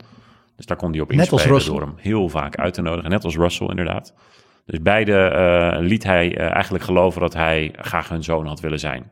Probeerde ook heel erg goed ervoor te zorgen dat die twee nooit samen met hem in één ruimte kwamen. Want dan zou het buitengewoon ongemakkelijk zijn geworden. En Mr. Sam die werd, omdat hij in het weekend dan doorwerkte, door Lady Bird had uitgenodigd. En dan wist hij precies wat zijn geliefde lokale Texaans, want daar was ook een Texaan, een maaltje was. En dat kreeg je dan. En van Mr. Sam is dan ook de beroemde uitspraak. Lady Bird Johnson is the finest woman God ever created. En die twee daddies die kregen dan neem ik aan ook cadeautjes als ze jarig waren en zo. Ja, en de dochtertjes van LBJ, die waren, die waren, dat waren een beetje soort hun kleinkinderen. Ja, dat was allemaal. En het was dus allemaal onderdeel. Hè, dat, Jan, dat zul jij toch ook eerlijk bekennen. Allemaal onderdeel van dat spel voor de macht. Ja, en dan eh, Sam Rayburn voor de lunch vragen en Richard Russell voor het diner of andersom. En niet samen. Wel zorgen dat ze op tijd weg waren om elkaar niet te zien binnenkomen of vertrekken. Dus misschien waren zij de enige twee die niet he- 100% door hadden hoe ze gemanipuleerd werden. Oh jawel. Dat waren alle twee raspolitici die hun hele leven alleen maar politiek deden. Jaap. LBJ sterft en wordt natuurlijk opgebaard in de library in Austin. En de directeur daarvan, dat was een van zijn medewerkers geweest in het Witte Huis, die zei dus tegen de jonge medewerkers: eh, jullie moeten een papiertje en jullie moeten turven hoeveel mensen afscheid komen nemen. Waarom? Dat vroeg dus ook even die stagiair. Dood is dood. Waarom moet dat? Toen zei hij, waarom? Dat zal ik je precies vertellen. Ik weet dat de dag komt dat hij mij gaat vragen... hoeveel mensen kwamen voor mijn baar. Zelfs dat was voor hem... Dus na zijn dood, dat is de chef van de, de library zei... ook dat is nog voor hem politiek. IJzeren discipline. Tot over het graf. Dus, dus er moeten ook medewerkers zijn geweest die, die bij wijze van spreken tien jaar later nog eh, uit een angstdroom wakker werden. Van ik moet nog dit en ik moet nog dat voor eh, de president. Jaap, letterlijk. Wij weten van mensen die met hem hebben gewerkt. Die zeiden, hij bezoekt mij nog in mijn nachtmerries. Ja. En die mensen zeiden ook altijd, ik heb van die man gehouden. Ik heb alles voor hem gedaan. Want wat hij deed voor het land. dit- Maar je werd letterlijk nu nog s'nachts gillend wakker. PG, we memoreerden het al eventjes aan het begin van deze aflevering. Op de dag dat LBJ stierf, waren Kissinger en Le Duc Tho in Parijs rond met hun onderhandelingen. Ze, ze, ze kwamen eruit. Juist op dat hele gevoelige punt Vietnam, waardoor Johnson had besloten: ja, eh, ik, ik, ik maak het niet meer. Ik, ik ga niet voor een tweede ronde als president op. Ik kan het Amerikaanse volk niet meer verenigen. Dat was de tragiek van waarom hij zei, en dat gaat me niet meer Heel lukken. symbolisch dus dat juist op zijn sterfdag eh, het rondkwam. Als je nagaat dat hij dus twee dagen daarvoor nog naar de tv had gekeken. Naar de inauguratie van Richard Nixon, die wel een tweede termijn kreeg. En een nog grotere verkiezingsoverwinning behaalde dan LBJ's epische overwinning in 64. Wat moet dat allemaal zeer gedaan hebben? En die inaugurale speech van Nixon was ineens een hele partijpolitieke, wat iedereen niet had gedacht. Waarin hij in feite aankondigde dat hij die hele Great Society van LBJ stuk voor stuk zou privatiseren, afbreken. Dus dat kwam als een mokerslag binnen bij LBJ. Ik heb zelf altijd het idee gehad dat dit mede oorzaak is geweest dat hij twee dagen later dood was. Hij had echt het gevoel, ik ben alles kwijt. Mijn reputatie, eh, mijn dromen, mijn legacy. Het moet echt zo verschrikkelijk geweest zijn. En dan op die dag tekent dus Kissinger, parafraseert, samen met Le Duc Tho, een akkoord wat ze overigens in oktober al hadden bereikt. En toen heeft Nixon, mede omdat Zuid-Vietnam niet wilde meedoen, dus die enorme bombardementen op Noord-Vietnam gedaan. Om te kijken of ze ze nog konden ja, dwingen. Nou, dat lukte dus niet. En eh, nou, toen is in feite dezelfde tekst die ze al in oktober hadden, dus in januari, geparafeerd. En ja, toen kreeg Nixon dus het signaal uit Parijs. En heeft toen die avond om tien uur televisiezendtijd gevraagd. Hij verwees ook nog naar LBJ. A great American who once occupied this office died. In his life, President Johnson endured the vilification of those who sought to portray him as a man of war. But there was nothing he cared about more deeply than achieving a lasting peace in the world. I remember the last time I talked with him. It was just the day after New Year's. He spoke then of his concern with bringing peace, with making it the right kind of peace. And I was grateful that he once again expressed his support for my efforts to gain such a peace. No one would have welcomed this peace more than he. And I know he would join me in asking for those who died and for those who live. Let us consecrate this moment by resolving together to make the peace we have achieved a peace that will last. Thank you and good evening. Het is natuurlijk van een sublieme hypocrisie. Wat Richard Nixon hier doet. En een president, een politicus, moet dat ook af en toe doen. Dat zal Jan ook bekennen. Maar het is natuurlijk echt ongehoord. Als je nagaat dat Nixon vier jaar daarvoor. Toen LBJ bijna een akkoord leek te hebben met Vietnam. Achter de schermen als kandidaat voor het presidentschap dat heeft helpen onttakelen. Door tegen de Zuid-Vietnamezen te zeggen. Jullie moeten niet tekenen. Als ik straks nu die verkiezingen win volgende week. Dan krijgen jullie een betere deal. En LBJ kwam daarachter, want een mevrouw die de tussenpersoon was tussen Nixon en de generaals in Zuid-Vietnam, werd afgeluisterd door Hoover. Toen was hij nog net president. En het beroemde verhaal is dat hij toen naar de majority leader van de Republicans is gegaan, de Everett Dirksen. Naar wie ook een gebouw is genoemd. Een groot gebouw Precies, ook in Washington. Building. Ja. En die heeft toen gezegd: Jullie kandidaat Richard Nixon heeft dit gedaan. En toen heeft Dirksen gezegd: That's treason. En Verraad.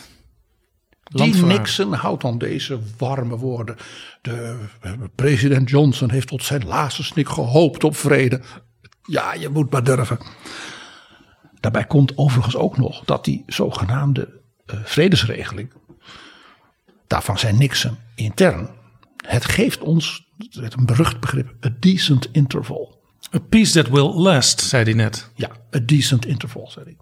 We kunnen dus ons netjes nu terugtrekken. Dan geven we die Zuid-Vietnamezen nog wapens en wat dingen. En dan vechten ze het maar uit. Nou, als je nagaat waar dat toe leidde. Dat leidde dus tot Pol Pot in Cambodja. Dat leidde tot, laten we het nu omheen draaien. Een Noord-Vietnamese militaire communistische dictatuur. Want dat werd Vietnam. Hè, waarbij een heleboel mensen dus ook gevlucht zijn. Thank you and good evening. Dat, dus ook die tragiek zit weer in dit verhaal. En PG, het is nu precies 50 jaar na zijn dood. En we weten, heel veel jaren later kijk je soms anders naar de dingen terug.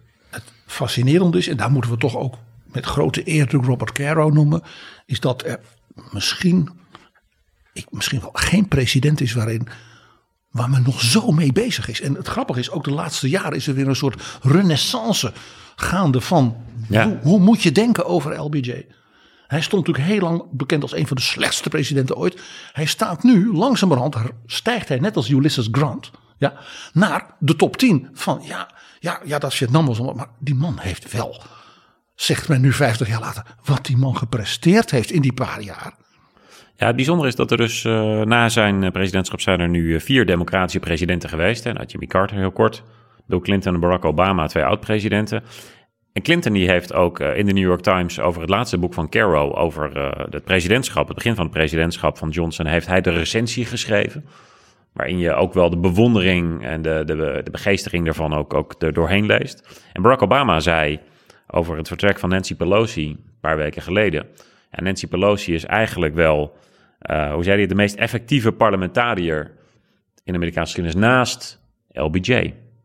Omdat LBJ als majority leader, later eigenlijk ook vooral natuurlijk als president, maar omdat hij zo ongelooflijk veel teweeg wist te brengen en zo vaak nipte meerderheden wist te halen om net weer een stap vooruit te zetten.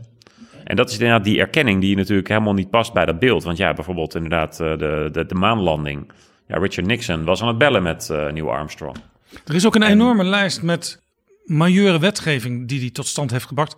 Als je de titels van die wetten leest, Ja. dan zouden ze bij wijze van spreken nu geschreven kunnen zijn. Ik noem er een paar. Eh, De Clean Air Act, de Higher Education Facilities Act, de Civil Rights Act, De Fair Housing Act. de Wilderness Act, ehm, de, Highway- Older, de de- Older Americans Act. De Highway Beautification Act. Nou ja, en eh, zijn er wel twintig of dertig Lager onderwijs, middelbaar onderwijs, hoger onderwijs, eh, extra onderwijs voor kinderen in achterstanden, gehandicapten. De leraar van Cotulla zat natuurlijk enorm in hem.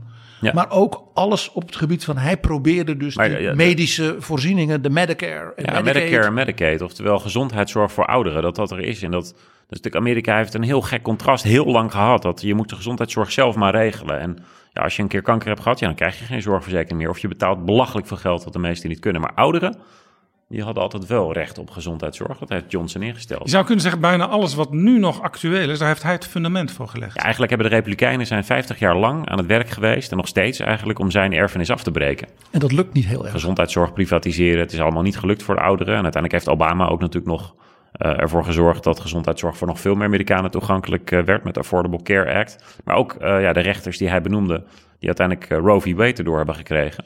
Pas net teruggedraaid door de Republikeinen het federale recht op abortus weten af te schaffen.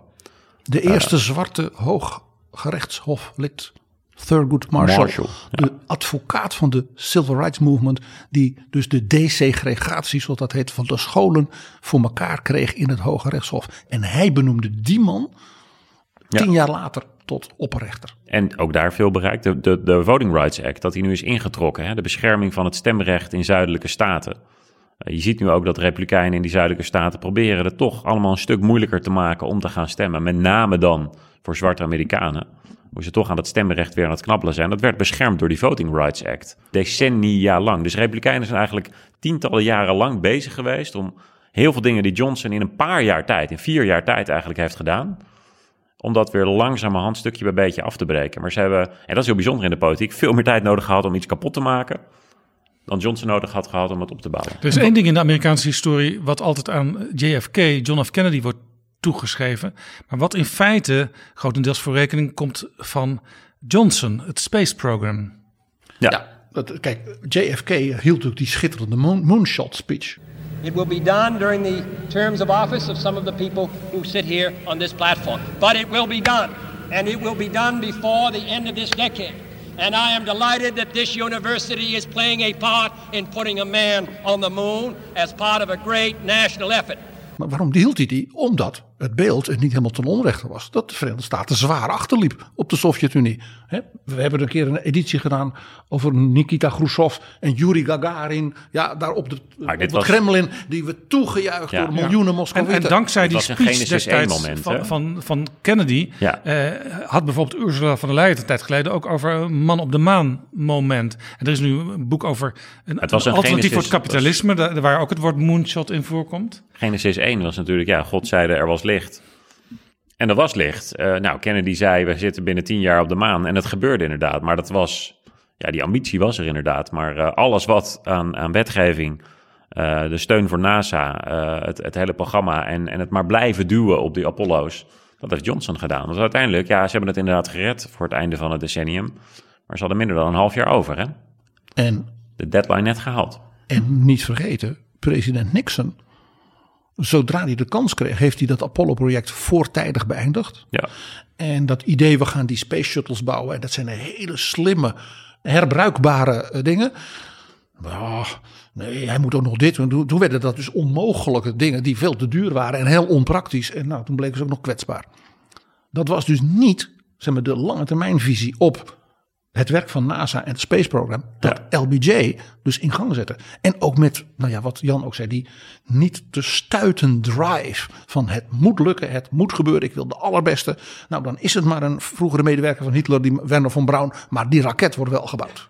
Dat, dat- die ook daar weer dus die, die, die, die, dat, dat enorme contrast. Ja, het doel heiligt niet de middelen, het doel heiligt alle middelen. En een belangrijk punt van LBJ, wat men dus nu, 50 jaar later, ook ziet. Legislation moet altijd game-changing legislation zijn. Dus structuurwetgeving. Dat is wat in feite die andere grote leerling van FDR ook deed, Ronald Reagan. Ja, Structuurwetgeving. Reagan is in feite de Lyndon Johnson van de GOP geweest. Alleen hij was oud en hij had niet die enorme drive. Maar in feite, die had ook dat begrepen van FDR. Wat, wat, wat voor structuur heeft eh, Reagan veranderd? De volledige herziening van het belastingssysteem in Amerika ten gunste van de middengroepen en de hogere. eh, ja trickle-down economics als eh, het leidend economisch principe. Dat heeft het uiteindelijk ook eh, heel lang en nog steeds eigenlijk wel volgehouden in Amerika. Ja, dat verklaart bedoel, het, het, het rijkste land van de wereld in feite. maar ook het meest ongelijke land in de hele ontwikkelde ja, je hoort het nog regelmatig, wel minder dan vroeger, maar je hoort nog regelmatig als argument om eh, rijke mensen niet al te zwaar te belasten. wereld. Ja, En zeker bedrijven niet. Ja, nou, het is een economische theorie die uh, al lang is doorgeprikt. Dat klopt niet. Uh, the money doesn't trickle down. En mensen gaan het oppotten of ze gaan er uh, dingen van kopen waarmee je heel weinig banen creëert aan de onderkant. Maar het is wel heel lang datgene geweest dat de Republikeinen altijd verdedigen. En Ronald Reagan natuurlijk nog steeds. Ja, eigenlijk alle Republikeinen proberen te zeggen dat ze Ronald Reagan willen zijn. En de tweede game changer, ook heel erg FDR, dat is natuurlijk de deal met Gorbachev. Dus gewoon durven visionair uh, uh, te zijn als president op het moment dat je kunt toeslaan. Ook dat natuurlijk heel erg FDR. Dus Reagan en LBJ zijn zeg maar de leerlingen hè, die ook bewonderaars waren, ook natuurlijk zelf FDR hadden meegemaakt. En het is natuurlijk Joe Biden die in feite deze les weer heeft genomen van LBJ. En dat is volgens mij ook een reden waarom dus LBJ nu weer uh, dat gebeurde al onder Obama, maar helemaal nu onder Biden, weer zeg maar terug is als ja, rolmodel. Ja. En dan nog even de civil rights wetgeving. We hadden het er al over. Uh, Johnson in zijn eerste twee decennia als politicus in Washington handelde daar heel anders. Uh, waar is die omslag gekomen bij hem? Wanneer dacht hij, ik heb dat misschien politiek handig gespeeld destijds om dingen, ontwikkelingen tegen te houden? Op de dag dat hij president werd. And finally, when I became president and realized that I was the leader of the country and that there were I was the president of all the people and uh, all the people were looking to me to correct the inequalities and inequities and injustices and there was something that I could do about it. Uh, I concluded that uh, I, now that I have the power, I'm going to use it every way I could. Dat is natuurlijk het bijzondere. Hè? Dat, kijk, op zich, eh, Johnson werd vicepresident, mocht hij ook van, van Kennedy. Dus toen heeft hij de standpunten van Kennedy ook moeten overnemen. Maar het was niet alsof hij toen ineens uh, de grootste pleitbezorger werd van, van burgerrechten. Nee, hij bleef toen die contacten houden met die democraten in de Senaat, die racisten, die hem nog steeds zagen als hun man dicht bij de macht. Maar de dag dat hij president werd, nou ja, heel kort daarna gaf hij ook een speech in het Huis van Afgevaardigden. En in die speech zei hij heel duidelijk, ja, die civil rights wetgeving die hier nu ligt, hier al veel te lang ligt, die kennen die er maar niet door heeft gekregen. Wat wij moeten doen als wij recht willen doen aan onze vermoorde fantastische president, is dat we die wetten er zo snel mogelijk doorheen krijgen. And above all, the dream of equal rights for all Americans, whatever their race or color.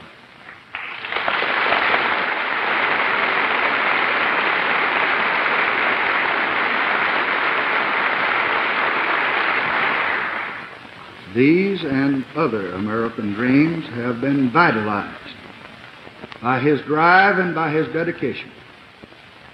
And now the ideas and the ideals which he so nobly represented must and will be translated into effective action.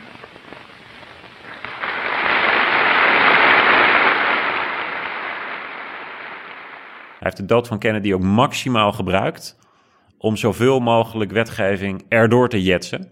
Allemaal mensen die ineens niet konden stemmen tegen die ja, vermoorde populaire president natuurlijk. Ze durfden niet.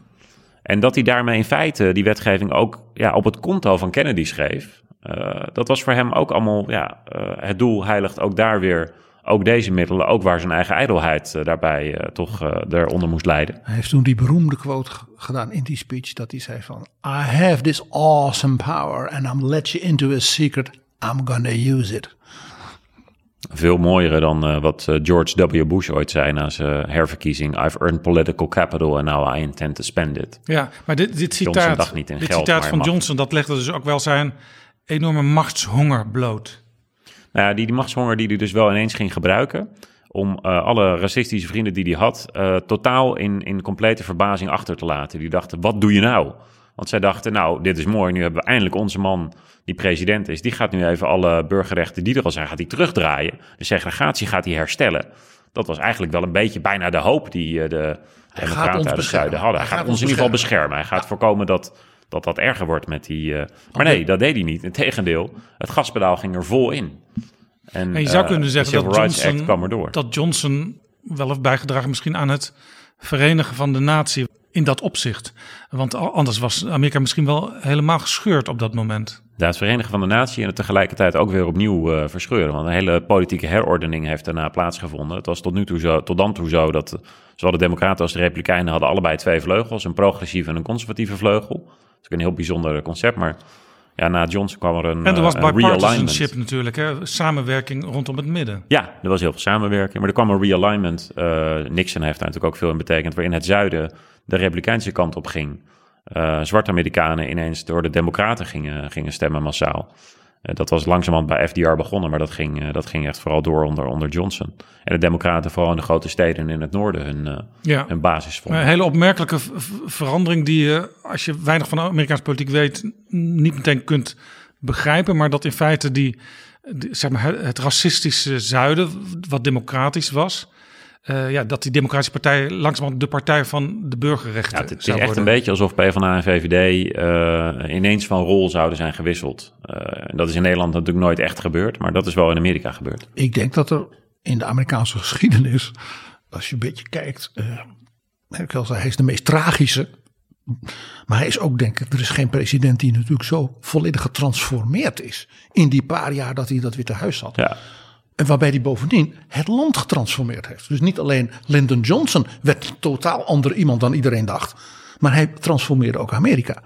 Ik denk zelf dat dit zeg maar, in zijn politieke denken al in de jaren 50 is gekomen. Toen hij in de Senaat zat. Omdat hij dus merkte dat in die naoorlogse periode, in de Eisenhower jaren, dus Amerika welvarend werd. De babyboomers, al die jonge gezinnen. En, en dat hij eigenlijk zei, ja, dat is mede te danken natuurlijk aan FDR. De New Deal, dus dat, eh, de economie die weer gered is. Maar het zuiden profiteert daar eigenlijk niet van, omdat die segregatie remt, als het ware, die maatschappelijke ontwikkeling. En ja, hij wou toch voor zijn mensen, hè, de kinderen in Cotulla, die wilden die ook die kansen bieden. En hij heeft, denk ik, toen hij dus president was, gedacht van ik ga nu die band breken die als het ware de rem zet op het zuiden. En de ongelooflijke bloei sindsdien van de South en de Southwest. eh, dat is denk ik ook in dit opzicht toch de legacy van vooral LBJ. Ja, dat, dat Houston is nu, eh, wordt eh, waarschijnlijk komend jaar of het jaar daarna wordt dat de derde stad van de Verenigde Staten. Texas is natuurlijk al bijna groter dan New York. En dat, dat ja, was toen allemaal ondenkbaar. Het zuiden was een, echt een achtergesteld gebied. Maar de Sun Belt is nu in opkomst. Ook dat is inderdaad niet los te zien van.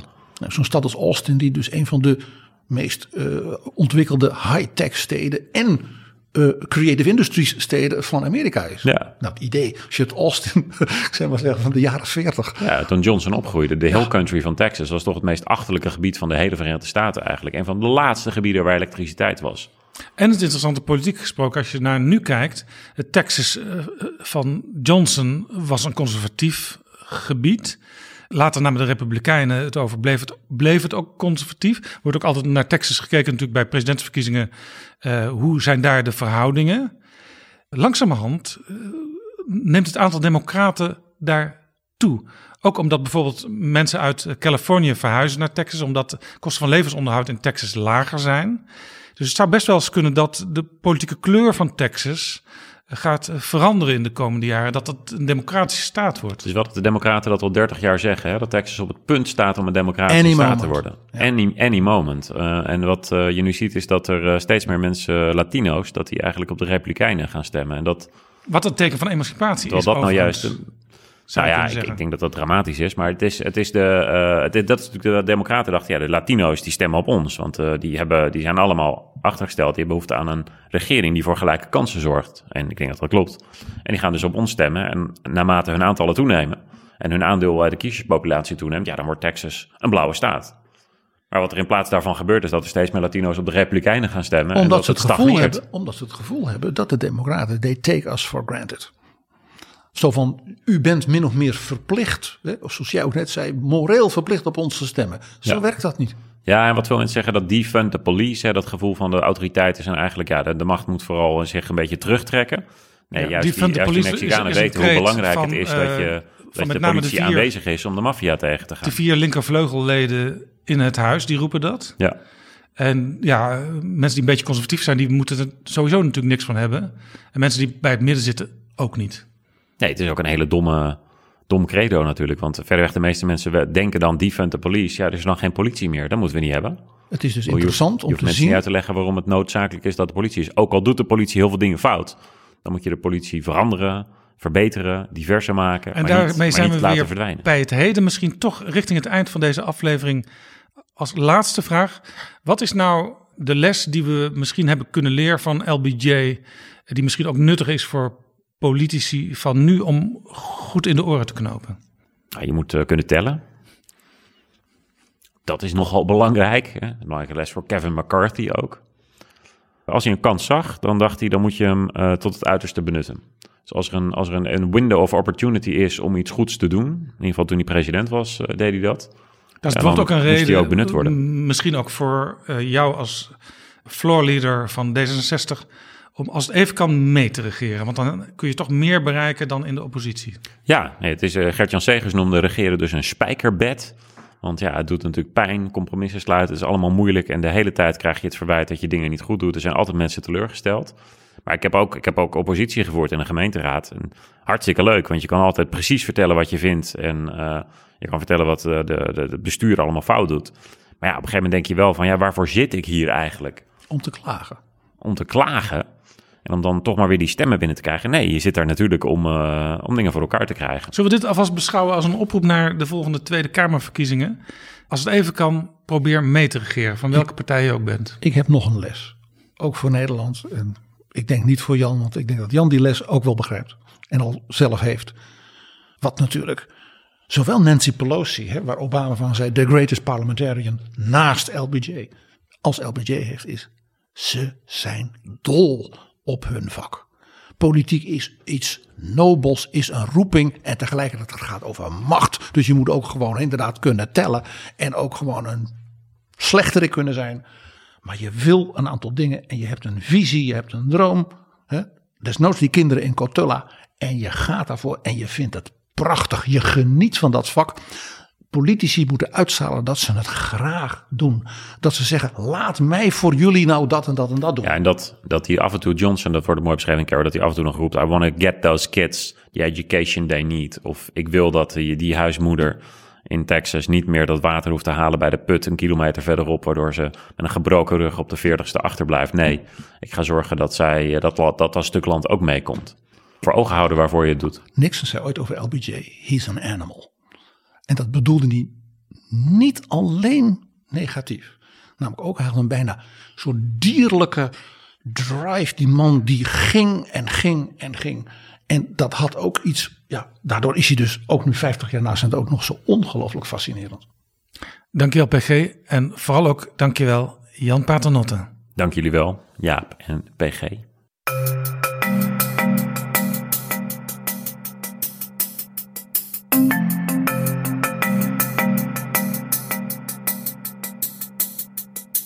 Zo, dit was Betrouwbare Bronnen, aflevering 319. Deze aflevering is mede mogelijk gemaakt door de vrienden van de show. Wil jij ons ook helpen met een donatie? Ga dan naar vriendvandeshow.nl/slash bb. En speciaal voor vrienden, die kunnen meedingen naar het boek China na Mao van Frank Dikkutter. Drie exemplaren beschikbaar gesteld door uitgeverij Spectrum. En op Vriend van de Show, als je eenmaal vriend bent, kun je lezen hoe je naar dat boek kunt meedingen. En dank aan Spectrum. Tot volgende keer. Betrouwbare bronnen wordt gemaakt door Jaap Jansen in samenwerking met dag en nacht.nl.